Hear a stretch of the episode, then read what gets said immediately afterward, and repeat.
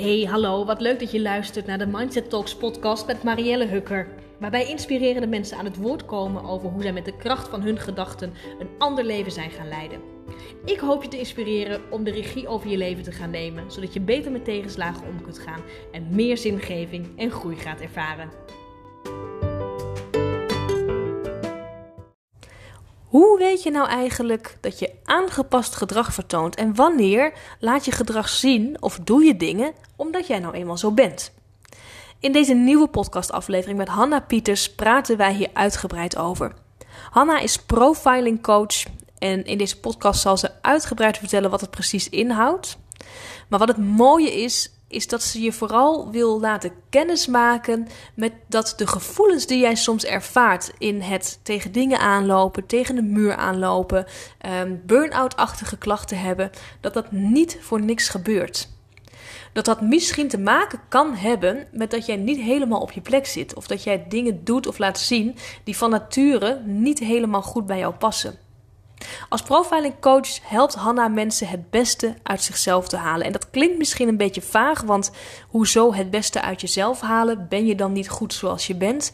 Nou, dat is ook de boodschap die Hanna jullie wil meegeven. Je bent goed zoals je bent, maar wanneer je meer vanuit je waarde gaat leven zoals jij van nature bent, hoe meer je kunt groeien als mens en hoe meer je misschien naar een next level kunt stijgen in je werk, maar ook in je persoonlijke ontwikkeling, in je relaties en noem maar op.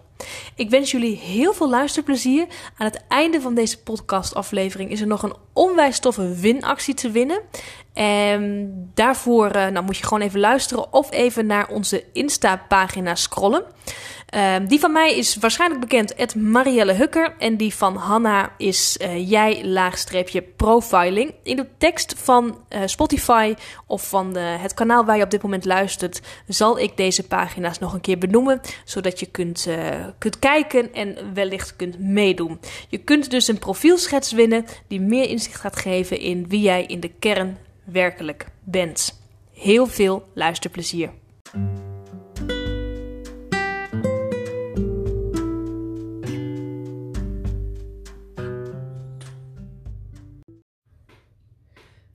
In deze podcastaflevering heb ik Hanna Pieters zitten. Welkom Hanna. Dankjewel. En jij hebt een mega interessant bedrijf. Uh, wil je eens vertellen wat jij doet? Ja, zeker. Uh, ik heb een profiling bedrijf en uh, daarmee richt ik mij op uh, individuen, onderwijs, bedrijven en vriendengroepen. En wat ik eigenlijk doe is een profielschets maken van mensen om te kijken wie je eigenlijk bent. Dus we gaan eigenlijk terug mhm. naar de basis. En daarin heb je nature en nurture. Nou, nature is wie jij van nature bent. En nurture is eigenlijk uh, wat je hebt overgenomen door opvoeding of door omstandigheden. Um, of voor de mensen om je heen. En uh, wat ik belangrijk vind is dat we terug naar de basis gaan. Wie ben je van nature? En dat we dan het nurture of het aangeleerd gedrag um, gaan zien als toegevoegde waarde en op een goede wijze kunnen inzetten. Ja, wat interessant zeg. Want uh, we hebben elkaar net in het voorgesprek even gesproken uh, hoe dit allemaal ontstaan is. En dan wil ik toch heel even teruggaan naar jouw eigen jeugd. Want mm -hmm. dit werk doe je natuurlijk ook niet voor niks. Jij bent zelf ook tegen bepaalde dingen aangelopen. Ja. Kun jij eens vertellen over je eigen schooltijd, hoe je dat hebt uh, doorlopen? Ja, zeker. Um, nou, eigenlijk van kinds af aan al heb ik vond ik het nooit echt heel erg leuk om naar school te gaan. Um, niet dat ik een uh, traumatische ervaring of iets heb gehad. Ik bedoel, ik had leuke klasgenoten en de school was verder prima. Um, maar ik paste niet echt in het onderwijssysteem. En waardoor ik eigenlijk tegen verschillende dingen aanliep. Zoals het plannen uh, was niks voor mij. Um, überhaupt uh, de structuur van 9 tot 3 of hoe laat, misschien half 9 tot 3 of zo naar school gaan. Mm -hmm. vond ik gewoon helemaal niks. Ik kreeg buikpijn van uh, werd ik benauwd van. Als ik daar echt te lang over na ging denken, dacht ik echt, oh moeten we weer. Uh, hier heb ik zelf helemaal niet voor gekozen, maar uh, toch zit ik hier. dat vond ik eigenlijk altijd wel heel erg lastig. En dat was op de basisschool al? Dat was op de basisschool al, ja. Ja, ik probeerde altijd wel maniertjes te vinden waardoor mijn moeder mij misschien wel ziek ging melden. Maar dat pakte nooit goed uit, helaas. Nee. en ja, en op de middelbare school moet je dan op een gegeven moment echt huiswerk gaan maken. En uh, ik begon op de HAVO-VWO. En in principe het niveau kon ik best prima aan. Alleen, ja, ik vond grappen maken en ouwehoeren met klasgenoten vond ik ook heel erg leuk. En het plannen van huiswerk vond ik helemaal niks. Nee. En eh, elke dag maar weer opstaan en denken, oh ja, welke boeken moet ik meenemen? Eh, wat moet ik vandaag allemaal doen? Ja, dat paste gewoon niet echt bij mij. En waar zit het hem in dan? Als jij even terugkijkt naar die basisschooltijd, hè, schijnbaar is dit gewoon iets wat niet bij jou past dan op Mhm. deze manier. Ja, kun je, kun je vertellen, uitleggen, misschien door alles wat jij zelf al ontdekt hebt, hoe het kan dat jij niet in, in een systeem past waar, waar misschien 80% van de mensen, misschien is het veel te veel hoor, maar Mhm. wel in past? Ja, dat is een, een hele goede vraag. Waarom dat zo is, ehm, durf ik niet echt helemaal te zeggen. Ehm, maar het gevoel, dus vooral de emotie die vrijkomt, eh, dat je denkt van we moeten weer. En ehm, het moeten en die vaste structuren waar je absoluut niet van af kan stappen, dat vond ik heel erg moeilijk. En als je dan kijkt naar het plannen, wat, je dus, wat mij werd aangeleerd, ehm werkte voor mij eigenlijk als plafond. Zo van je moet dan en dan moet je je wiskunde maken. Bijvoorbeeld morgen van 4 tot 5 eh, had ik dan in mijn agenda staan wiskunde. En dan was het morgen 4 uur. En dan zat ik daar en dacht ik, ja, maar ik heb nu helemaal geen inspiratie. En het lukte me gewoon niet en ik kreeg niks op papier. En het was niet dat ik geen wiskunde kon. Het was gewoon dat ik dat niet op dat moment kon. Eh, omdat ik daar continu tegenop zag. Omdat ik dan niet van het moment zelf kon genieten, maar continu bezig was met oeh, morgen moet ik weer. Ja. En dat je daar tegenaan ging hikken. En ehm, dat zorgde ervoor dat ik uiteindelijk maar helemaal niks ging doen eigenlijk. Ja, ik denk dat het er echt voor heel veel scholieren, maar misschien ook volwassenen die dit terugluisteren, denken: oh, maar dit had ik ook. Ja, Ik denk dat veel mensen hier tegenaan hebben gelopen. En dat is toch eigenlijk bizar dat zo'n schoolsysteem nog steeds zo is ingericht in, in, het, in die vaste structuurtjes en kadertjes, ja, waar je als leerling maar eh, ja, in dient te passen. ja. Ja, dat vind ik inderdaad ook. En tuurlijk, hè, ik snap echt wel dat je eh, bepaalde dingen ook die je niet leuk vindt of die je moeilijker vindt, dat die er gewoon bij horen. En naar school gaan is hartstikke goed. Eh, we hebben denk ik nu met eh, corona wel gezien dat school zelfs luxe is. Hè? Kinderen konden niet wachten om weer naar school te gaan. Dus dat vond ik wel super mooi om te zien. Mhm. Ehm, maar ja, ehm, zoals bij sommige kinderen planning heel erg veiligheid geeft. Hè? Duidelijke structuren, duidelijke regels. Kan dat voor andere kinderen juist, eh, zoals bij mij, juist verstikkend werken. En had ik eigenlijk iets meer vrijheid nodig. En iets meer losse richtlijnen in plaats van vaste regels. Mhm. En had mij maar een deadline gegeven wanneer ik mijn opdrachten af had moeten hebben. Dan was ik denk ik beter uit de verf gekomen dan dat dat nu eh, achteraf eh, was. Wat, wat jij nu schetst, hè, een deadline dat ik mijn opdrachten af moet hebben, dat voelde als als je huiswerk die je iedere week moet maken, dat was te snel. Als jouw deadline zou zijn, over twee maanden gaan wij eh, dit thema afronden, zorg dat je het klaar hebt, dan zou dat voor jou beter gewerkt hebben. Ehm, nou, zorg dat je het klaar hebt, zeker.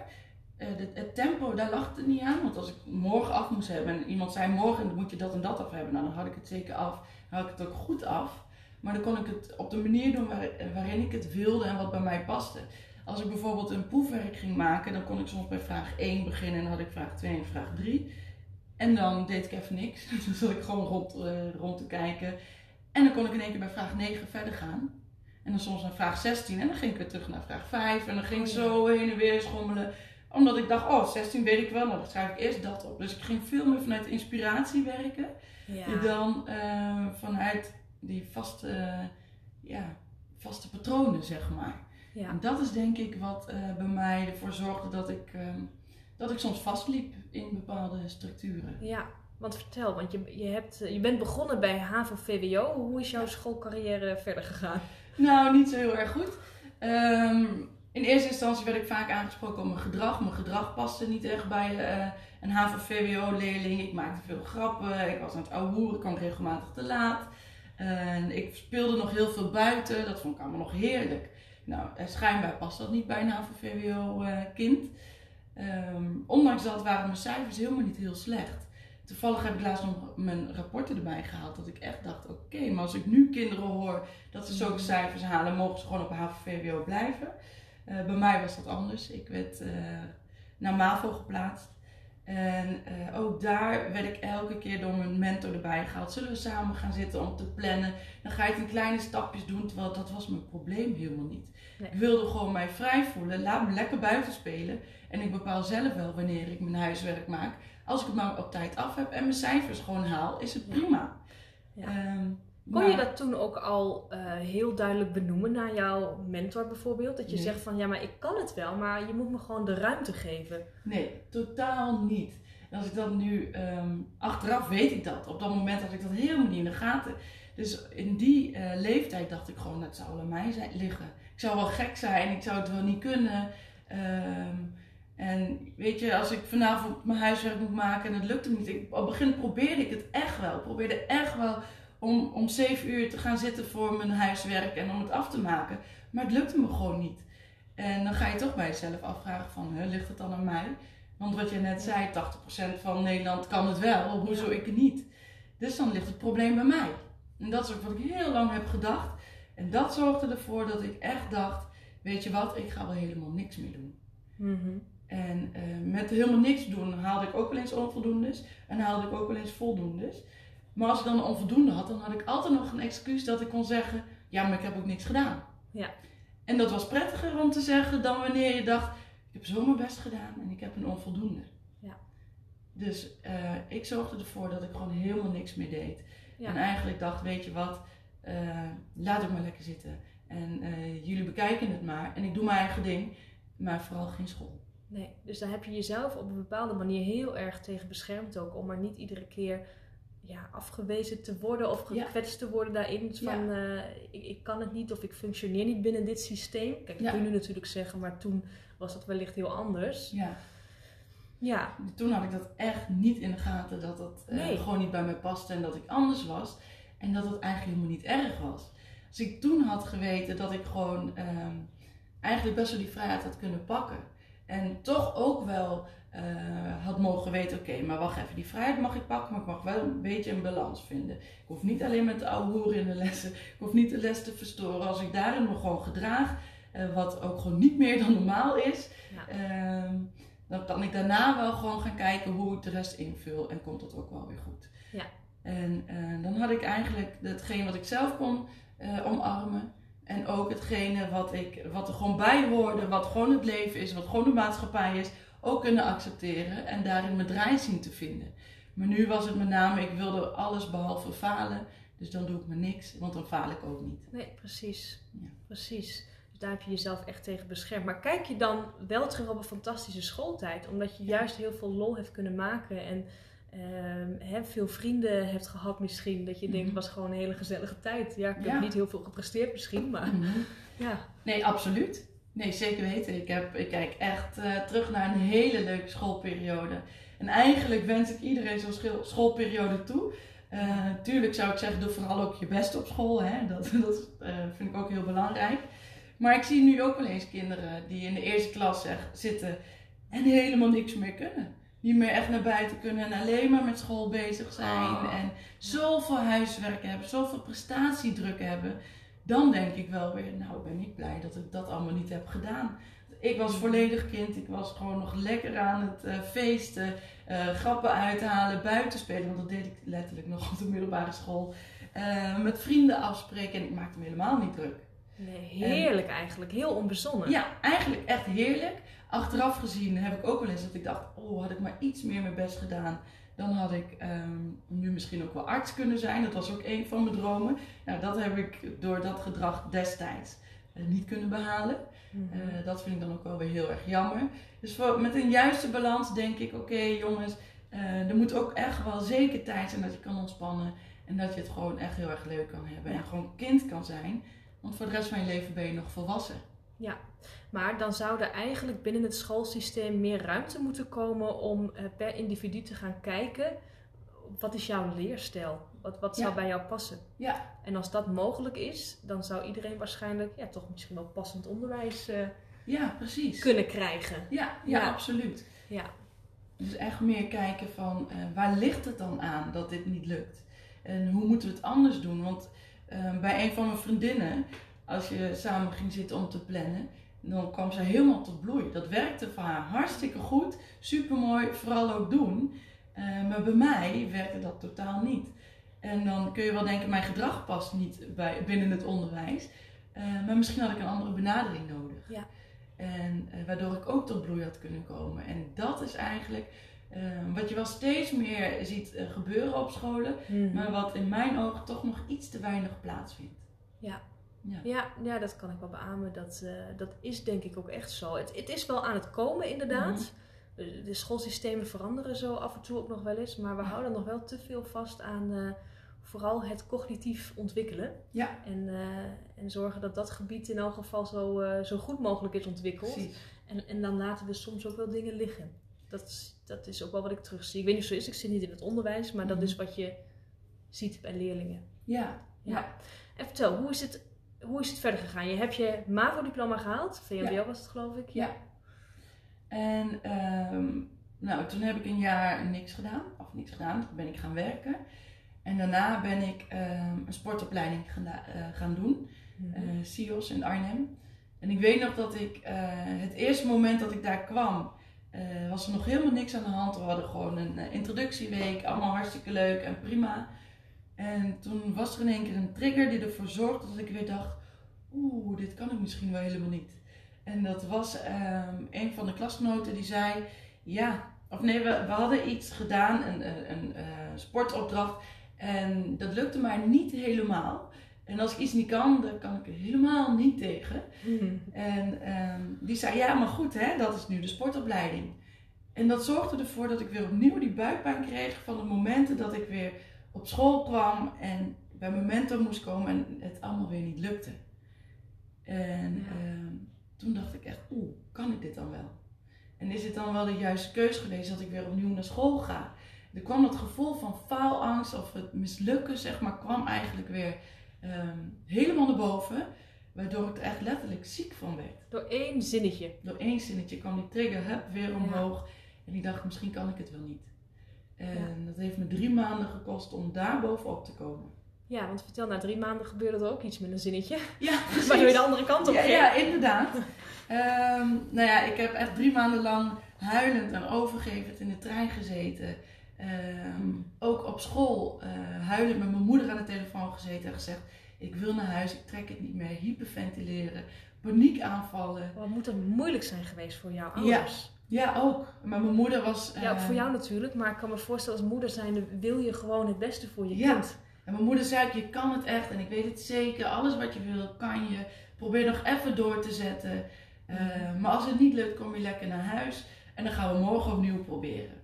Nou, en dat is hoe we dat elke dag per dag bekeken. De ene dag kon ik het eh, tot de halve dag volhouden. De tweede dag zei ze: Weet je wat, probeer nog één sportles te doen. Dan heb je een beetje afleiding. En dan kom je daarna naar huis. Nou, en zo deden we dat eh, per dag eigenlijk. En ehm, toen inderdaad kwam er weer een ander zinnetje. Eh, was er een moment dat ik ergens bij een voetbalwedstrijd was en dat ik iemand hoorde zeggen: ehm, Als ik mijn best deed, dan was ik veel beter dan die gasten die nu op het veld staan. En toen dacht ik: Ja, daar zeg je wat als je je best deed, maar ondertussen zit jij op de tribune en zijn zij aan het spelen. Dus die, die zin die kun je wel blijven herhalen, maar daar bereik je helemaal niks mee. Voorlopig zit jij gewoon nog op die tribune. Ja. En toen dacht ik, ik heb zo vaak gedacht, als ik gewoon mijn best deed, had ik makkelijk mijn VWO-diploma kunnen halen. Ja. Maar vervolgens heb ik hem niet gehaald. En toen dacht ik, en nu moet ik de knop omzetten. Als ik echt mijn doelen wil bereiken, dan moet ik ervoor gaan. Koste wat het kost. We zien wel hoe we het gaan doen. Eh, maar ik moet doorgaan. En toen heeft het echt nog wel een tijd geduurd voordat ik van die buikpijn afkwam, voordat ik van het Ja. overgeven afkwam. Eh, dat soort dingen. Maar was dat mentaal iets waarvan je zei, ik wilde dit zo graag, dus ik nam het allemaal voor lief? Dat, dat ik die klachten had, dat ik denk, ik, hey, kunt je er dan toch wel beter aan overgeven misschien? Ja. Dan eh, toen je misschien dat stemmetje had, ik weet niet of ik het wel kan. Ja, ehm, toen was het moment dat ik besefte, ik moet eigenlijk met mijn eh, verstand mijn gevoel gaan overheersen. Mhm. En ik wist met mijn verstand, er is niks aan de hand. Die school die maakt mij niet ziek. Ehm, dat zit in mijn emotie. Maar het is niet de school die dat doet. Er hangt niet een of andere virus Nee. die me ziek maakt. Nee. En ik weet niet of je ooit wel eens van Pavlov hebt Ja. gehoord, de Pavlov-reactie. Dat is eigenlijk wat er bij mij gebeurde. Ehm, doordat ik dat eigenlijk eh, op de basisschool en op de middelbare school is dat eigenlijk al een beetje geconditioneerd. Het moment dat ik daar zat en eh, aangesproken werd op mijn gedrag of van goh, maar jij bent eigenlijk helemaal geen HAVO-VWO-leerling. Ehm, Wordt, ja, wordt zo'n stempel op je geplakt. Is zo'n overtuiging waar je dan de rest van je Precies. schoolcarrière mee ja, doorgaat. terwijl ik dat eigenlijk wel kan, kwam dat weer terug. En dat was eigenlijk die conditionering, wat ervoor zorgde dat ik eigenlijk een knoop in mijn maag kreeg. Van, huh? Maar ik kan het toch wel? En hoezo eigenlijk niet? Ja. En dat werd geconditioneerd. En toen wist ik, hier moet ik tegen vechten. Dus als ik met mijn verstand mijn gevoel ga overheersen, kan ik die conditionering omdraaien. En is die Pavlov-reactie weg. Ja. En, En ehm, hoe lang heeft dat geduurd? Nou, ik denk serieus twee tot drie weken en ik was er vanaf. Zo. Ja. En in ieder geval die schoolperiode was ik er vanaf. Ik was niet met alles in mijn leven er vanaf natuurlijk. Nee. Er waren meerdere dingen die kwamen die wel struggle werden. Maar hoe vaker ik wist en eh, resultaat had behaald met ehm, mijn verstand, mijn gevoel te kunnen overheersen, eh, werd alles in mijn leven daardoor steeds makkelijker. Omdat ik elke keer wist van, hé, hey, wacht eens even. Dit is het gevoel van vroeger wat weer naar boven komt. Ik weet dat ik het kan Ja. en ik moet nu weer even met mijn verstand, mijn emotie overroelen. Wat moeilijk is, maar wat wel mogelijk is. En dan hoor je heel veel mensen zeggen, ja, maar je moet je gevoel volgen. Ja, Hoe is dat voor jou? eh, vind ik, is ook zo, maar gevoel is niet altijd waarheid. En dan vind ik, dan moeten we eens even gaan kijken wat is reëel en wat is waarheid. En dat mag je gaan volgen. Want gevoel wat negatief is, eh, zou ik vooral niet gaan volgen. Nee. Een gevoel wat jou in de put brengt of wat ervoor zorgt dat jij niet tot bloei komt, is ook niet verstandig om te gaan volgen. Nee, precies. Dan moet je af en toe ook gewoon je verstand gebruiken. Daar moet een Ja. balans in zijn, een juiste Ja. balans. Precies, Ja, absoluut waar. En eh, als gevoelsmens is dat soms heel erg moeilijk. Ja. Ja, maar dat gevoel heeft vaak een hardere stem dan het verstand. Ja. Daar moet je letterlijk tegen vechten, inderdaad, om Ja. het te onderdrukken. ja klopt. En, en niet in alle gevallen hoef je het te onderdrukken, maar ehm, eh, wat ik bijvoorbeeld ook in een van mijn trainingen zeg, is dat de waarheid maakt je vrij. Maar je moet wel eerst de waarheid verstaan voordat het je vrij kan zetten. Ja. Dus als jij altijd hebt geloofd in een leugen, bijvoorbeeld van ehm, dat iemand continu tegen jou heeft gezegd: je kan het niet, en dat voor waarheid hebt aangenomen, eh, zal het je nooit vrijzetten. Want dan leef je onder een bepaalde juk, als het ware, hè? Mhm. Ehm, terwijl die dus niet waar is. Nee. En dan is het heel moeilijk, omdat je die voor, voor de rest van je leven eigenlijk als waarheid hebt aangenomen, om die met je verstand te overheersen van, goh, maar dat is een leugen. Dat is helemaal niet wie ik ben. Nee. En dan pas, als je dat gaat zien en gaat zien wie jij werkelijk bent, dan kom je in die vrijheid en dan pas kun je tot bloei komen. Dat Ja, is in ieder geval ik mijn ja. Ja, ben ik helemaal met je eens. En ik zeg ook regelmatig tegen mensen: in de basis ben je gewoon neutraal. Het is niet zo dat als jij geboren wordt, dat je gelijk ook kunt zien: oh, jij bent mega perfectionistisch. Of ik kan nu al zien eh, dat jij de rest van je leven de lat altijd heel eh, hoog legt. Of dat je niet goed bent op school. Of Mhm. noem maar op. Dat kun je niet gelijk zien. Dat zijn dingen, die labeltjes die je opgeplakt krijgt. Ja. En ook als je het bijvoorbeeld hebt over situaties die we meemaken. Ik heb soms wel eens bij één en dezelfde situatie met, met vijf mensen, dat we alle vijf wat anders eh, vinden of hebben ervaren. Ja. Eh, Terwijl het eigenlijk de- dezelfde gebeurtenis is geweest. Ja. Ik denk, zie, dat is toch weer hoe jij geconditioneerd bent. Absoluut. En sommigen weten dan van het meest positieve nog iets negatiefs te maken. Ja. En andere mensen weten van het meest negatieve toch nog weer een lichtpuntje te vinden. Ja. Dat is denk ik inderdaad wel hoe we geconditioneerd zijn. Ja, dat klopt. En dat is het mooie wat je zegt inderdaad. Dat als je met meerdere mensen samen bent eh, met een gebeurtenis. Iedereen heeft zo zijn eigen referentiekader. Ja. Iedereen heeft eh, zijn eigen perceptie. En, en dan komen we weer op waarheid en gevoel terecht. Voor mensen is een perceptie is waarheid. Ja. En, eh, maar we mogen beseffen dat de waarheid in het midden ligt. En dat- zo zie je dat ook met communicaties. Er kunnen heel veel ruzies ook ontstaan. En dat je zegt van nee, maar ik heb het zelf gezien. En dat de ander zegt, ja hallo, maar ik was er toch ook bij en ik lieg niet. Zegt nee, maar ik heb toch gezien dat hij dat of dat deed. En dan kan vervolgens iemand anders zeggen, nee, maar ik heb dit gezien. Ja. En dan mogen we beseffen, wacht even, dit is mijn perceptie, maar mijn perceptie is niet altijd waarheid. De waarheid ligt in het midden. Ja. En als we daardoor een stap naar elkaar zetten, kunnen we denk ik veel makkelijker eh, met elkaar communiceren en elkaar begrijpen en maar ook elkaar waarderen. Waardoor we elkaar makkelijker in elkaars kracht kunnen zetten. Ja. Wauw.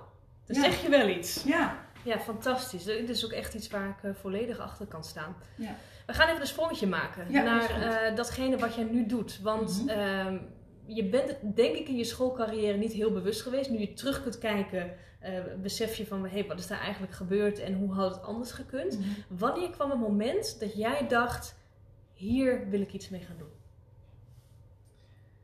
Ehm, eigenlijk het moment toen ik het CIOS af had gemaakt. Mhm. Uh, en dan heb je natuurlijk ook al wel stage gelopen. Uh, je bent veel met verschillende mensen in aanraking geweest. En nou, ik, misschien zelfs al als kind zijnde heb ik altijd gedacht, ik zou graag wat met mensen willen doen. En toen wilde ik in eerste instantie altijd arts worden. Mhm. Nou, dat is niet helemaal gelukt.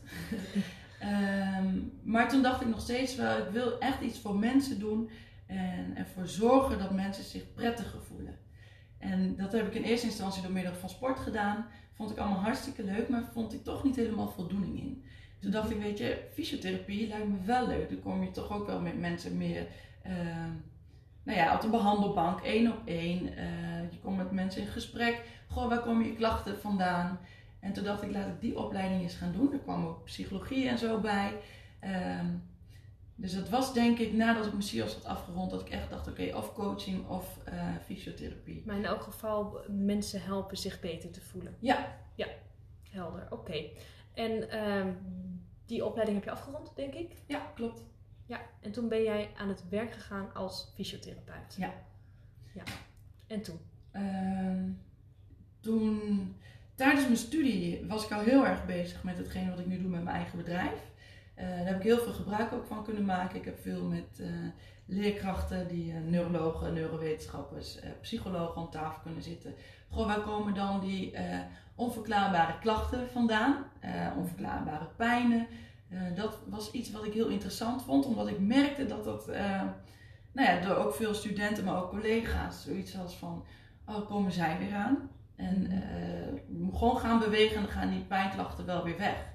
En ik vond het heel interessant, maar waar komt dan die pijn vandaan? Want ik geloof niet dat iemand eh, bewust ervoor kiest om pijn te hebben, om in een slachtofferrol, want zo noemde zij dat dan, hè, Mhm. te gaan zitten en om ongelukkig te zijn en om uh, niks te kunnen. Mhm.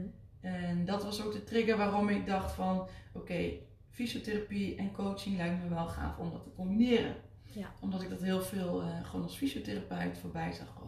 Want is dat dan ook wat je terugziet als je bijvoorbeeld, uh, ik, ik, bedenk even ter plekke wat hoor, maar je hebt misschien een, een, een, een eh, patiënt, cliënt, die, en die heeft chronische schouderklachten en uh, die loopt er al jarenlang mee en het, en het gaat maar niet weg. Heb je dan soms ook dat je zegt, hey, als, we, als ik de vinger op de zere plek kan leggen van, hey, jij doet bijvoorbeeld werk uh, waar je eigenlijk helemaal niet competent voor bent of, of, of misschien wel onder uh, of overcompetent voor bent, moet ik zeggen, dat je misschien werk doet wat eigenlijk te makkelijk voor je is. Je zou eigenlijk meer kunnen, noem maar op. Dat dat dan misschien een trigger kan zijn om, om vast te gaan zitten. Of zeg je nou, dat is niet helemaal hoe ik dan te werk ga. Uh, ja, dat is per persoon ook wel weer verschillend eigenlijk. Uh, en het hangt ook heel erg vanaf, want ik ben natuurlijk geen psycholoog en uh, ook geen haptonoom of iets. Dus um, het hangt er heel erg vanaf wat de patiënt zelf geeft. Dus als ik uh, vragen stel uh, en ik merk al gauw van, hé, hey, wacht eens even, die heeft eigenlijk veel met psychosomatische klachten, Mhm. um, dan probeer ik daar wel op in te spelen. En dan wil ik ze vooral laten zien dat wie zij zelf zijn, dat ze eerst uh, daarna mogen kijken en dat mogen gaan waarderen. Mhm. Want als je niet heel goed weet wie jij bent, ongeacht of dat nou op je werk is, in je privésituatie, waar je ook maar komt, is dat heel moeilijk om dan ook jezelf te gaan waarderen. Want misschien heb je je wel altijd gespiegeld aan mensen om je heen die anders zijn dan jij. Mhm. En dat uh, aangenomen als normaal en de standaard om ook zo te worden. Terwijl dat je niet Ja. gaat lukken. En dan krijg je dat je op je tenen gaat lopen. En dat heeft nog niet eens te maken met of je je werk goed kan. Mhm. Maar dat heeft met, met name te maken of jij gewoon lekker jezelf kan zijn. En Ja, ja, meer op dat niveau inderdaad. ja, en dan zie je dat ze op hun tenen gaan lopen, want ze gaan iemand zijn wie ze niet zijn. En dat is altijd moeilijk, want dan ga je nooit tot bloei komen. Nee. En dan zie je vaak wel dat er ehm, trigger points eh, komen in het lijf. Eh, dat mensen pijn gaan krijgen, fysieke pijnen, Mhm. eh, onverklaarbare pijnen. Wat ook wel logisch is, want je, kunt, je lijf kan het niet meer verwerken. Je psyche kan het ook niet verwerken. Dus wat gebeurt er? Er komen onverklaarbare pijnen, want het moet toch ergens moet het eruit. Ja. En dan denk ik altijd, oké, laten we eerst die bouwstenen als het ware, of die blokken eruit halen. En dan pas eh, gaan kijken naar je lichaam en dat sterker gaan maken en gaan opbouwen. Ja. Maar eigenlijk terug naar de basis, wie ben jij? En waardeer vooral jezelf wie jij bent. Want je mag zijn zoals je bent. En dan ben je op je allermooist. Ja, dan denk Ja, ik dat, eh, eh, absoluut. ja, dat de stressfactoren weggaan. Ja. Dat er heel veel drukcomponenten weggaan. Eh, ja, en dat je eigenlijk al in die ontspanning steeds meer gaat zien dat die fysieke klachten ook weggaan. En dat zie jij ook terug in je werk. Ja, dat zie ik ook Dat terug. gebeurt. Met name bij mensen met burn-out klachten. ehm, waarvan je toch vaak ziet dat ze veel te ver doorgaan. Hmm. Veel te lang doorgaan. Eh, misschien wel dingen doen, die, dingen doen die ze niet goed kunnen. Maar misschien ook wel eh, dat door middel van collega's eh, niet begrepen worden. En dat ze Mhm. eigenlijk niet datgene kunnen doen waar ze het allerbeste in zijn. En wat sterker nog, wat er ook voor zorgt dat het bedrijf beter wordt. Ja, tuurlijk. Als jij al je poppetjes op, op, op de beste positie hebt staan omdat zij dat kunnen. Hè, dus kijk maar naar voetbalwedstrijd. Ik heb nul verstand van voetbal. Maar je moet natuurlijk ook geen verdediger in een aanvalspositie gaan zetten. Want dat is niet zijn beste kwaliteit. Ja. En dat is natuurlijk op de werkvloer ook Ja. het geval, denk ik. Als jij al jouw poppetjes op de juiste plek hebt zitten, ja, dan functioneert alles gewoon veel beter. Ja, precies. En ehm, als we dan gaan kijken naar de verschillen, want we horen, horen tegenwoordig heel vaak, laten we naar de overeenkomsten van elkaar kijken. En in principe is dat natuurlijk hartstikke mooi, maar ik vind ook laten we vooral ook juist wel naar de verschillen kijken. En ehm, genieten dat een ander anders is dan dat jij bent. En zoals op de werkvloer bijvoorbeeld, als je het over die poppetjes hebt. ehm, en we kijken bijvoorbeeld naar eh, wat ik in mijn training doe, is ehm, gaan we uit van de vier hersenkwadranten. En als we nou eens kijken naar twee hersenkwadranten die lijnrecht tegenover elkaar zijn, dan hebben we het over de visionair, dat is degene die innovatief is, creatief is, dromerig is, ehm, niet van de vaste structuren is, niet van de planning is, maar wel heel goed nieuwe ideeën kan bedenken. Maar vervolgens niet zo heel goed is in het eh, waarmaken. Ehm, als die dan continu met zijn ideeën ergens gaat komen bij een van de collega's, waarvan de eerste vertaler in de andere hersenkwadrant is, ehm, en het zijn ideeën gaat brengen, en dan denkt die andere misschien van, ja, jij had het met je dromen en met je ideeën, maar je doet nooit wat en jouw bureau is altijd maar een troep. En eh, wat denk je wel niet, elke dag heb je een andere droom, maar voor de rest doe je helemaal geen flikker, ga gewoon eens een keer aan de slag. Dan denkt die persoon met die dromen van, weet je wat, ik ga mijn dromen niet meer vertellen, want hij is eh, alleen maar eh, mijn dromen aan het kapot schieten Ja. en doen alsof het allemaal niet kan. En ehm, die andere, die denkt gewoon continu, nee, je moet goed uitpluizen of het allemaal wel kan. Je moet realistisch zijn. Ehm, dus ga er alsjeblieft gewoon eens een keer wat doen in plaats van altijd maar dromen. Terwijl eigenlijk zou diegene eh, die heel realistisch is en juist van de structuur is en juist van de planning en van de details, kunnen denken, wacht even, mag ik nog een keer jouw droom horen? Oké, hartstikke mooie droom, heel innovatief, niet helemaal realistisch, maar ik ga ervoor zorgen dat die realistisch is en dan ga uitzoeken wat wel kan en dan ga ervoor zorgen om je droom waar te maken. Dan heb je al een hele andere spanningsveld, een hele andere communicatie. En dan zie je eigenlijk dat degene die de dromer eh, beter tot zijn recht komt, maar vooral ook die stratege, zo noemen we hem dan, nodig heeft om zelf beter te worden. Maar andersom ook, want die stratege is niet zo creatief, die is niet zo innovatief, ehm, die heeft niet zoveel dromen. Maar dat is niet erg, want die kan er wel voor zorgen dat die droom van de ander weer beter wordt en realistisch wordt. Waardoor je eigenlijk eh, elkaar nodig hebt om zelf beter te worden. Ja, fantastisch eigenlijk. Waarom leren Ja. we dit niet? Ja, ja, dat vind ik ook heel jammer inderdaad. Ja, Eh, en als je dat in een bedrijf iedereen op die manier Ja. eh, tegenover elkaar zet en gaat denken, oh maar wacht even, wat vind jij er eigenlijk van? Want ik heb een plan, maar jij kan ervoor zorgen dat mijn plan beter wordt. Ehm, en dan ja, hebben we toch eigenlijk een unbeatable team wat we daardoor creëren. ja. En dan functioneert een bedrijf hartstikke Kan een goed. bedrijf eh, groeien? Ja, ja. Ja. fantastisch. Gaan we heel even terugpakken, want eh, eh, waar heb je deze kennis op gedaan? Ehm, dit hebben we eigenlijk, mijn moeder die ehm, heeft eigenlijk deze training geschreven. Die heeft zelf ook een eigen bedrijf gehad, die heeft veel kleur- en stijladviezen gegeven. waarbij ze ook heel veel persoonlijkheid deed. En eh, nou, jarenlang ervaring, 30 jaar volgens mij wel, eh, met allemaal verschillende mensen gewerkt, veel verschillende mensen opgeleid. En ook tegen deze problemen aangelopen en gedacht van, waar komt het nou eigenlijk vandaan? En die is daarin verder gaan zoeken, eh, research naar gedaan. Ehm, en mijn broer die heeft zelf in Amerika gezeten, die heeft daar ook een opleiding gedaan. En die dacht, of die heeft uiteindelijk ehm, de profiling theorieën van de FBI vanuit Amerika gekregen. Zo. En dat hebben ze samen kunnen voegen. En die theorie wordt niet meer vrijgegeven nu. Dus eh, daar zijn wij weer heel erg blij mee natuurlijk. Hè? Dus Ja. dat hebben we, zijn we als een van de weinigen die die eh, theorieën hebben.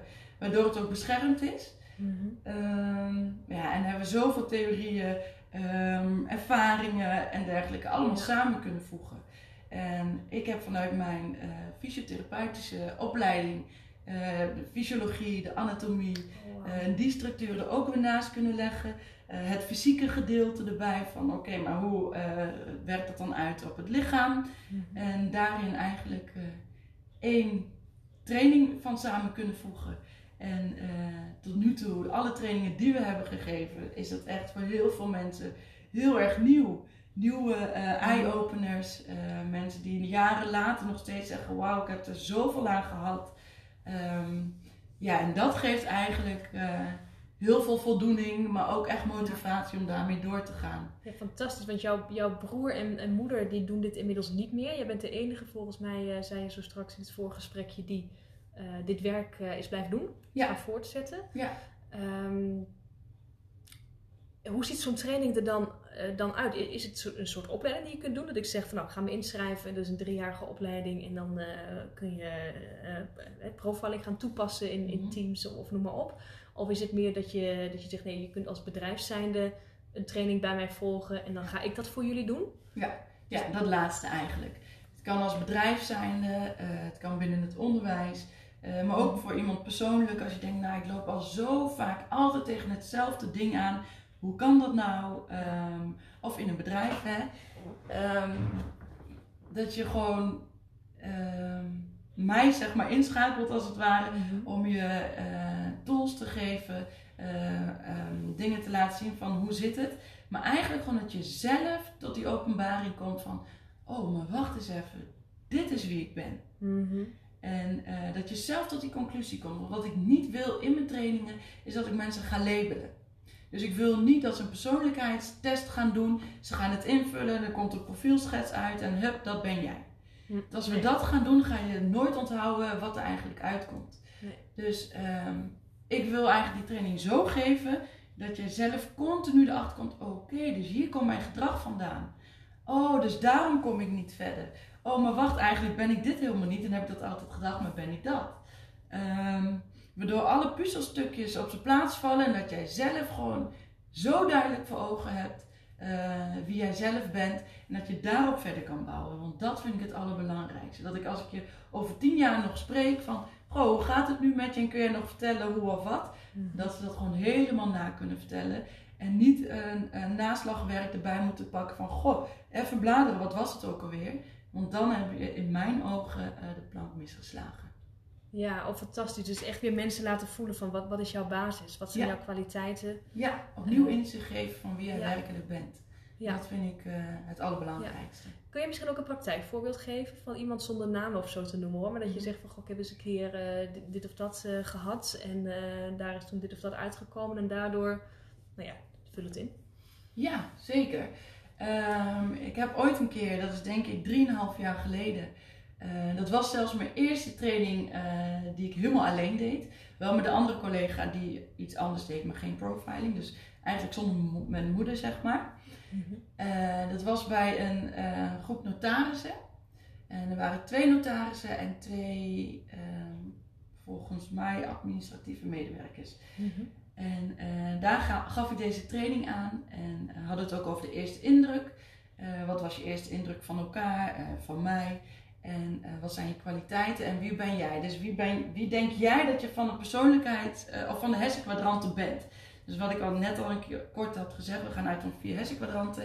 Ehm toen vroeg ik aan die vrouw, maar wie denk jij dan? Wel- Welke eh, kwadrant past bij jou? Toen noemde zij eentje waar, waar ik het persoonlijk niet mee eens was, maar Ehm, toen vroeg ik ook aan haar, oké, maar kun je me eens uitleggen waarom jij denkt dat jij dan, ze dacht dat ze stratege was, waarom jij denkt dat je stratege bent? En eh, toen noemde ze ook, nou, ik, kan, eh, ik ben heel erg van het plannen, Eh, ik, kan, ehm, ik heb altijd structuur, mijn bureau is altijd helemaal netjes. En, maar ik zag aan haar dat het niet helemaal klopte. Ik dacht, oké, is dat dan wel zo? Is dat dan een Klopt gevoel of, of is het meer van wat jij van haar al gezien had? Nou, ik zag haar tijdens de training ook wel bewegen, dingen doen, eh, reageren, interactie met andere collega's. Waarin ik niet eigenlijk de interactie van een stratege heel erg in haar zag. Nee. En dat is nu misschien nog heel moeilijk te begrijpen als ik dat allemaal zo benoem. Eh, maar in een training zou dat eh, veel makkelijker worden, want zul je ook eh, een bepaalde gedrag gaan herkennen. En toen zei ik tegen haar: Als ik er toch op in mag spelen, mag ik dan even mijn visie erop loslaten? En zei ze: Ja, is goed. Toen zei ik: Als ik naar jou kijk, zie ik dat helemaal niet. Ik zie niet een stratege bij jou. Eh, ik zie dat jij veel eh, creatiever bent. Alleen al in jouw benadering naar mensen, in jouw bewegen. eh, in jouw praten, in jouw woordkeus. Ehm strategen zijn vaak iets directer. Die geven hun mening, krijgen een dataconflict. Zij was helemaal niet direct. Zij ging eerder sugarcoaten dan dat ze heel direct haar mening gaf. En zei ik, volgens mij is het wat jij doet aangeleerd gedrag. En is jou altijd verteld dat jij ehm, gewoon, als je dat volgens de structuren doet en netjes bent en opgeruimd bent, dat als je een opgeruimde bureau hebt, dat je een opgeruimd hoofd hebt. En toen zei ze, ja, dat is me inderdaad altijd verteld. Zeg, maar volgens mij is dat niet wie jij bent. En denk ik ook dat als jij dat doet, dat je dat heel veel energie kost, dat het jou moeite kost en dat je eigenlijk aan het einde van de dag helemaal uitgeput bent en dat je dat helemaal geen veiligheid geeft. En toen keek ze me aan, toen werd ze al bijna emotioneel. Toen dacht ze, oeh, dat is waar. Ja, je hebt gelijk. Zeg weet je, het is helemaal niet erg als jij het doet eh, zoals het bij jou past. Want dan ben jij veel mooier. Ehm, want wat we vaak zeggen, ja, diegene dat is aangeleerd gedrag. Dat wordt al vaak als negatief bestempeld, hè, aangeleerd gedrag. Dat vinden mensen over het algemeen eh, niet heel positief. En dat was bij haar eigenlijk ook. Ik zeg, en heb je dan een gezin gehad bij wie dat altijd zo ging? Duidelijke structuren, eh, duidelijke planning. Eh zei ze, ja. Zeg, heb je het gevoel gehad dat het je anders was of dat jij er niet bij hoorde? Ja, ook. Zeg, maar weet je, ehm, ga alsjeblieft er nu voor zorgen dat je jezelf bent. Ga dat omarmen en ga dan hetgene wat je bijgeleerd hebt, dat is het, het Mhm. aangeleerd of het bijgeleerd gedrag. Want plannen is hartstikke goed. Er is helemaal niks mis mee. Supergoed. Maar eh, zorg ervoor dat dat je bijgeleerde gedrag is. Dat je dat kan toevoegen als toegevoegde waarde. Maar ga daar niet op bouwen. Ga bouwen op wie jij zelf bent. Ja. En dat was eigenlijk veel creatiever, eh, veel innovatiever. eh, en ze bloeide helemaal open. En zegt, oh, ik loop al tien jaar bij een psycholoog. En nu snap ik pas waar ik tegenaan loop. Oh, is En toen werd ze heel emotioneel, dus ze, begon, ze, ze brak echt.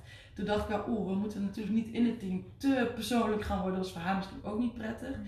En eh, die kwam na die tijd ook echt nog naar me toe. Ik snap het nu. En ik snap nu echt wie ik zelf ben.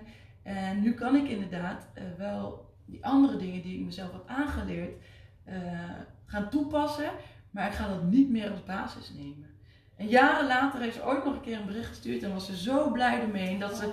elke dag nog wat aan heeft gehad aan die training. En als je dat dan nog na zoveel jaar later dat hoort, dan eh, Ja. is dat gewoon, dat, dat is waar je het voor doet. En dat is echt geweldig eh, om dat terug te Ja, dan krijgen. heb je toch eer van je werk. Ja, absoluut. Fantastisch.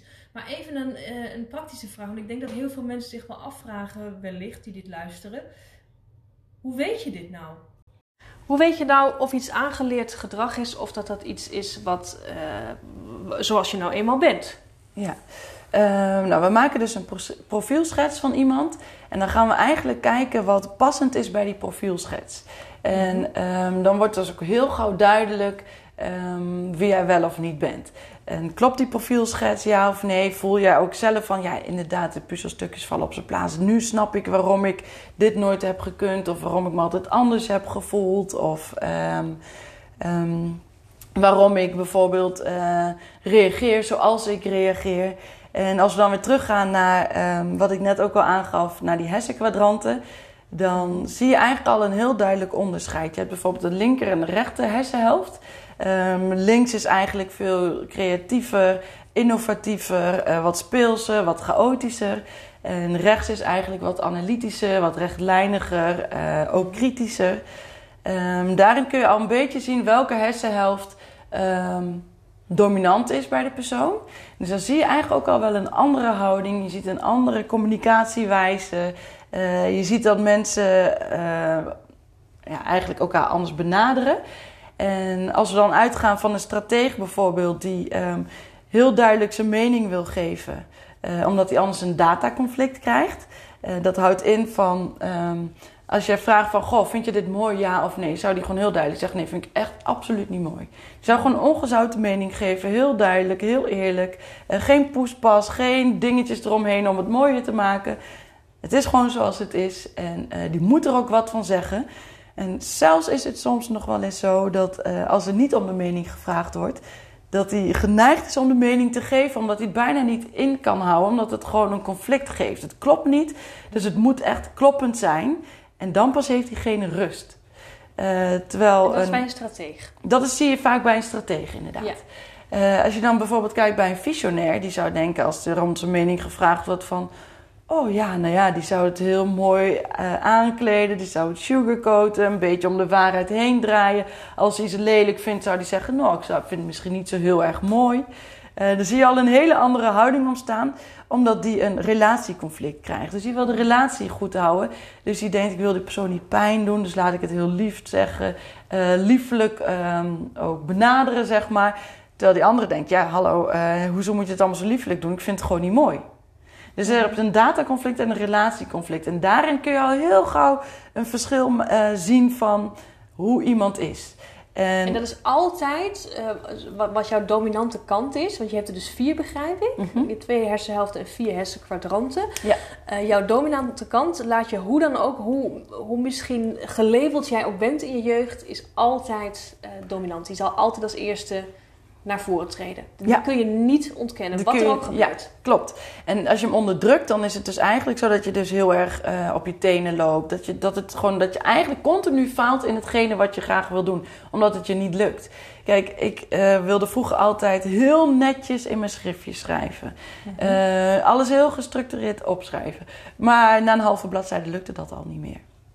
Dus eigenlijk hetgeen wat ik echt ben, dat kwam continu weer naar boven. Zelfs dat ik dacht, ah nee, hè, dat, ik wilde zo graag het netjes houden, maar het lukte me gewoon niet.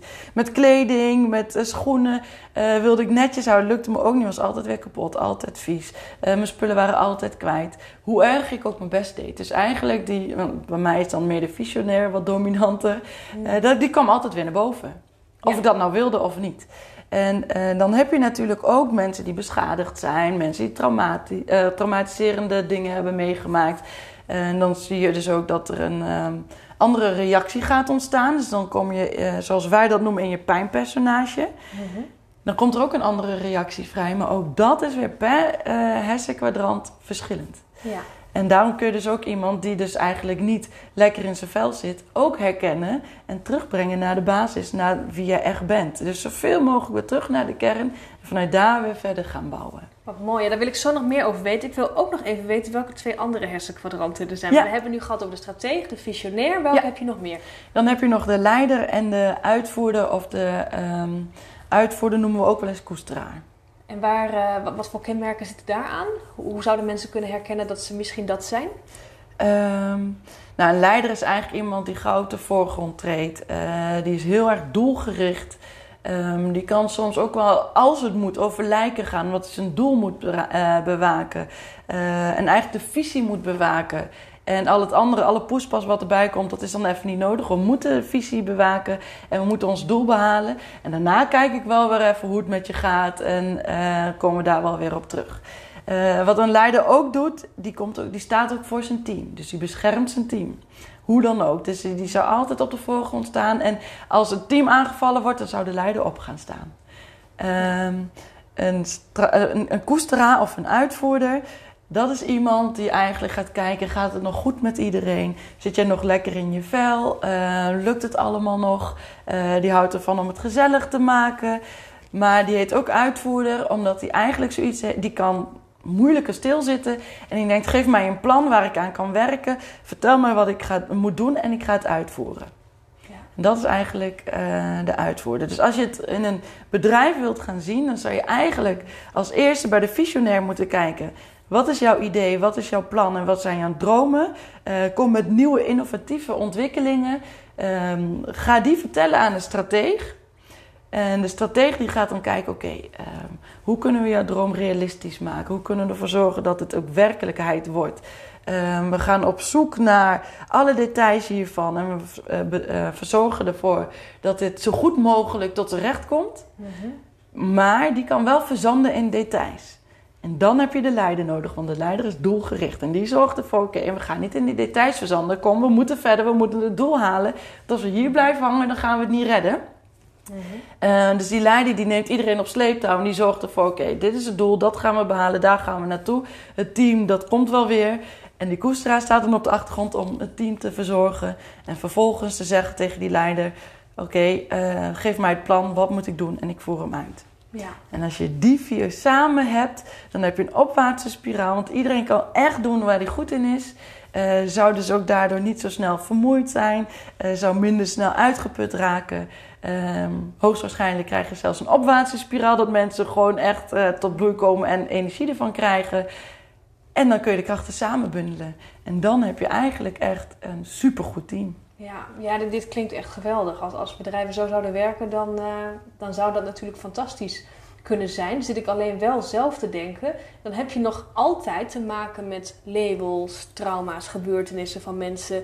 Ja. Uh, wie deze weg mogelijk wel kunnen dwarsbomen. Hoe, zie, hoe ziet dat er bijvoorbeeld uit? Dat je dan als, ik noem maar iets, een strateeg Uh, jouw fundamentale basis is dat, zo reageer je, dat zou het beste voor jou zijn. Mhm. Maar toch, uh, ik noem maar iets, heb je in, je in je verleden iets meegemaakt. Misschien ben je mishandeld als kind zijnde, of misschien, uh, weet ik veel, zijn je ouders op jonge leeftijd overleden.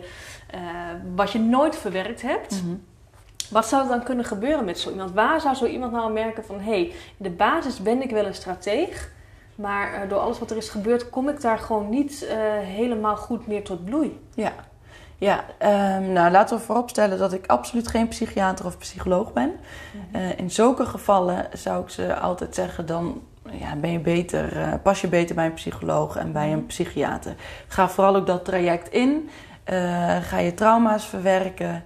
Um, zorg ervoor dat dat eigenlijk allemaal weer eerst. Um, goed verwerkt is, zeg maar, door middel van EMDR of wat voor uh, andere behandelingen ze ook maar hebben. Uh, want daar, daar ben ik natuurlijk, natuurlijk totaal geen specialist in. En dat, dat ga ik ook absoluut niet doen. Dat is niet mijn. Uh, is eigenlijk niet mijn, het zijn niet mijn werkzaamheden. Dus... Maar jij kunt wel misschien die vinger op de zere plek leggen. Zo van, ja. dit is wat ik zie. Jij bent in de basis een strateeg, maar je laat heel wat anders zien. Ja. Je zult eigenlijk wel met jezelf aan het werk moeten. Ja, zeker weten. En dan zou ik eigenlijk continu die kwaliteiten van de persoon benoemen. Je hebt misschien altijd gehoord dat dat niet goed is. Je hebt misschien ben je in de basis inderdaad gekwetst. Uh, en heb je dat niet durven te ontwikkelen omdat ze hebben gezegd dat dat niet goed is. Of dat wie jij bent niet goed is. Um, en dat is heel moeilijk. Want wat ik bijvoorbeeld ook op mijn visitekaartje heb staan is... de mens is gemaakt om gelukkig te zijn. En dat klinkt heel uh, soft en heel uh, simpel. Maar... Als jij gezond bent, en dan gaan we bijvoorbeeld kijken naar het lichaam weer als fysiotherapeut. Als ik geen pijn heb aan mijn enkel, denk ik niet, oh, ik heb geen pijn aan mijn enkel. Dan nemen we dat voor lief. Pas als die pijn in mijn enkel er is, komt die op de voorgrond en denk ik de hele tijd, oh, die enkel die doet echt heel erg veel pijn. En hoe vaker dat gebeurt, hoe vaker die pijn eigenlijk, um, of hoe meer die op de voorgrond komt. En hoe meer die je gaat belemmeren en hoe meer ervoor gaat zorgen dat je die functie van die enkel um, niet meer kan gebruiken. En dat is dus ook met trauma. Hoe vaker je pijn gaat hebben, hoe meer die pijn op de voorgrond gaat komen. En die pijn die wordt opgeslagen. En uh, er hoeft ook maar iets kleins te gebeuren om die pijn bam weer omhoog te krijgen. En dat moet eigenlijk voor, uh, voor, gezorgd worden dat dat naar de achtergrond gaat komen. En dat is eigenlijk de taak van een psycholoog of een psychiater. En uh, op het moment dat zij dat helemaal echt goed, dat traject met hen door kan gaan, uh, dat die, die trauma niet meer zo op de voorgrond staat, dan kunnen we eigenlijk weer voor zorgen dat je uh, tot bloei gaat komen. Maar dat moet wel eerst opgeruimd zijn. Ja.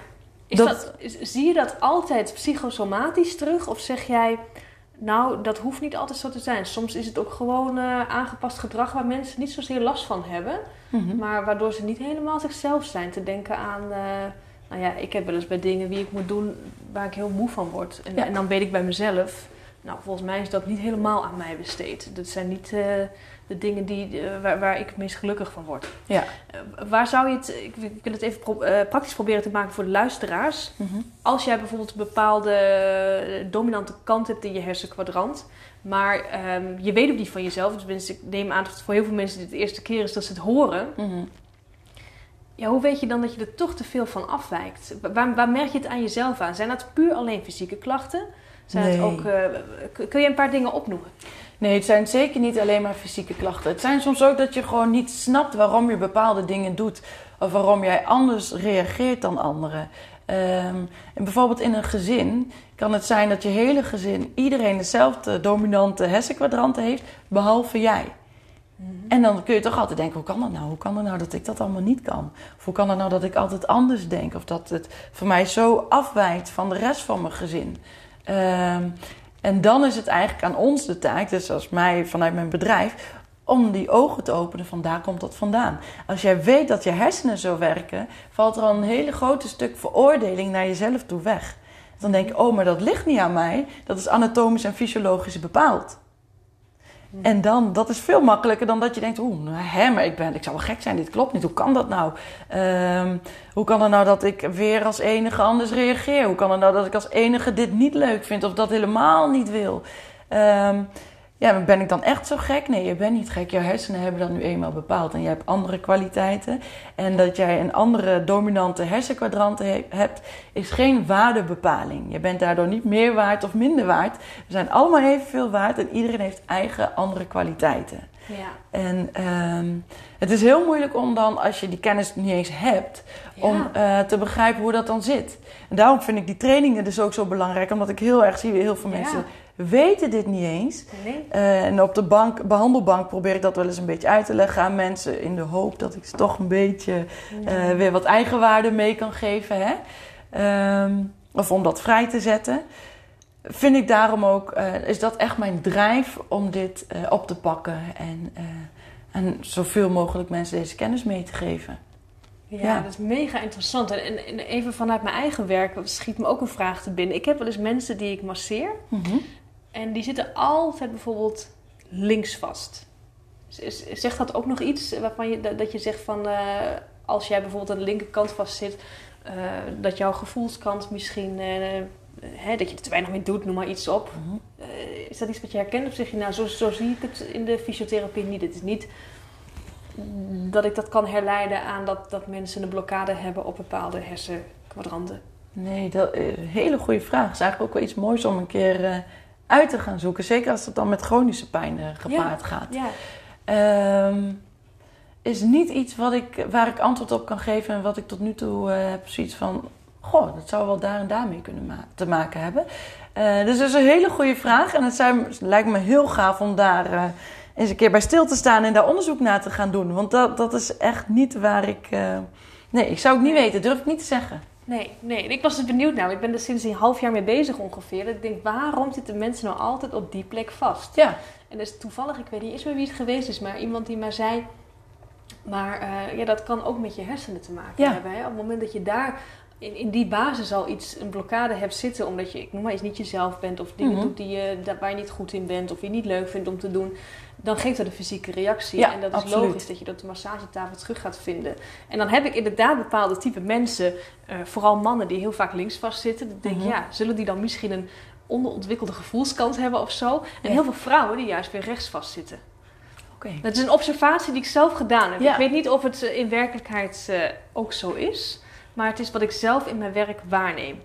En eh, ik dacht, misschien heb jij de antwoorden. Maar Nee, helaas. Maar dat is een goeie. Ik ga er zelf dan ook eens op letten. op En wie weet eh, kunnen we daar eens een keer op terugkomen. Gewoon, ja, ja, eens kijken van, hé, hey, ligt er een verband?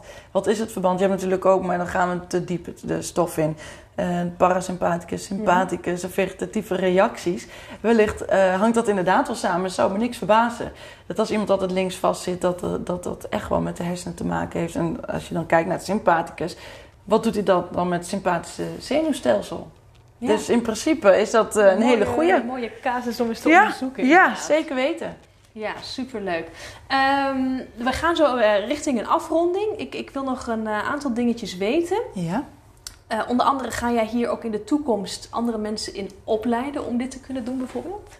Heb jij daar ambities voor dat je denkt, ik wil dat gewoon meer mensen dit gaan, uh, gaan toepassen? Dat mensen meer, uh, iets, ook profiling coach, hoe noem je mhm. het? Ja, ehm, dat lijkt me wel heel gaaf.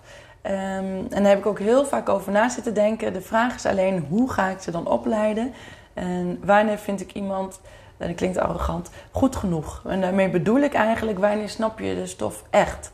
Ehm, en dat vind ik heel belangrijk, want ik wil niet dat de kwaliteit van de studie achteruit gaat, maar ook niet dat als het net niet klopt, kan je precies verkeerde informatie aan iemand geven, waardoor hij er precies niet uh, alles aan heeft wat ik graag zou willen, snap je? Maar het lijkt me superleuk om dat absoluut wel te gaan doen. En ik zie daar ook wel mogelijkheden en ik heb ook al wel wat mensen waarvan ik denk, nou, die zou dat zeker wel kunnen. Ja. Dus uh, ja, dat is uh, wel iets wat ik zou gaan willen. Ja. Mooi. En heb je nog een persoonlijke missie? Dat jij uh, zegt, je bent nu 33 jaar. Mm -hmm. de komende jaren, is dit mijn plan? Ja, ik zou de komende jaren zeker hiermee verder aan de slag willen gaan. Um, en ik zou ook nog wel als fysiotherapeut werkzaam willen blijven, maar dat wel iets op een lager pitje doen.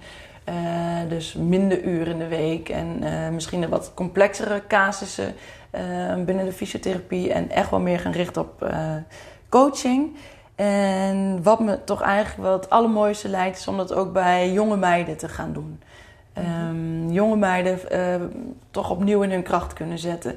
Duidelijk laten zien waar hun talenten liggen, waar hun. Um, nou ja, waar hun mooie kanten liggen. En dat zo vroeg mogelijk eigenlijk al aanpakken, dat ze hun eigen waarde ontwikkelen. Zo tegenwoordig zie je zoveel op social media. Um, wat allemaal goed is en wat niet goed is. Er wordt een bepaalde standaard geplaatst wat bijna niet haalbaar is. Misschien wel helemaal niet haalbaar is voor de meeste mensen. Uh, je moet overal maar aan voldoen. En dat is toch echt een vertekend beeld van de maatschappij. En dat vind ik echt heel erg. Ik denk dat daarin al je eigen waarde, als je je daaraan gaat spiegelen. Um, niet mee omhoog gaat. En daarom wil ik hun waarden, hun kwaliteiten, hun talenten, dat al op een vroege, uh, vroeg moment zeg maar, meegeven. En dat ze waardevol zijn. Uh, dat ze mogen zijn wie ze zijn. En dat ze zich vooral niet moeten meten aan al die Snapchat-filters. Uh, en alle Instagram-filters en noem maar op. Mm ja, nee, dat, dat lijkt, dat is eigenlijk wel echt mijn doel. Want ik denk dat het alleen maar gekker gaat worden. En hoe mooi zou het zijn als de meiden uh, van 15, 16 jaar uh, zich daar niet aan gaan meten. En uh, al heel erg lekker in hun vel kunnen zitten en blij kunnen zijn met wie ze zelf zijn. Dat is echt wel. Dat is een hele mooie missie. Ja. Denk jij ook dat dit probleem vaker bij meisjes en vrouwen speelt dan bij jongens en mannen? nee, dat denk ik eigenlijk niet. Ik um, denk dat het bij meiden misschien wat duidelijker is, omdat meisjes makkelijker kwetsbaar kunnen zijn. Of in ieder geval dat het daar eerder van uh, getolereerd wordt. Mannen hebben misschien uh, eerder het idee van ik moet stoer zijn en ik moet uh, groot, mezelf groot houden en vooral niet te veel mijn emoties laten zien. Ik hoop wel dat daar een verandering in gaat komen, want uiteraard gun ik ook mannen en jongens geluk toe. En ja. dat ze zich ook gewoon fijn voelen. Um, alleen op de een of andere manier is mijn eigen gevoel. Um, trekt meer richting de meisjes om uh, daar met de meiden wat meer aan de slag te gaan. Mm -hmm. Als we het dan hebben over, ja, dat is misschien een slecht onderwerp, want je hebt tegenwoordig uh, hè, al, al zoveel dat mensen zich als transgender of transneutraal, weet ik kan wel veel termen, ja. um, maar ik wil hem toch even eh, kijken of ik wat kan nuanceren. Zie je ook bij uh, mannen en vrouwen vaak een verschil in dominante hersenkwadranten? Of zeg je dat, nee, dat, dat maakt eigenlijk niet uit. Het is niet zo dat, dat mannen vaker strateeg zijn dan dat vrouwen dat zijn bijvoorbeeld. En vrouwen misschien meer visionair zijn dan mannen. Um, ik denk dat dat eigenlijk helemaal niet zo heel veel uitmaakt. Nee. Um, nee, in principe mannen die zouden zich misschien sneller uh, als leider uh, profileren. Uh, ook omdat ze dat misschien wel heel graag willen zijn. Um, en vrouwen misschien minder snel, want vrouwen die onderling is er al een, uh, kan er al heel gauw een strijd zijn zonder dat er ook maar iets gaande is. Dus een vrouw zou misschien al sneller denken, oeh, laat ik maar even wat rustiger aan doen. Een man zou dat wel mooi vinden om wat op de voorgrond te staan. En dat wordt ook vaak wel gezien als aanzien. Maar uh, in principe uh, zit daar geen onderscheid in, nee. Nee. Nee, dat is, dat is allemaal uh, goed verdeeld onder Ja, ja zeker. Oké, heel mooi.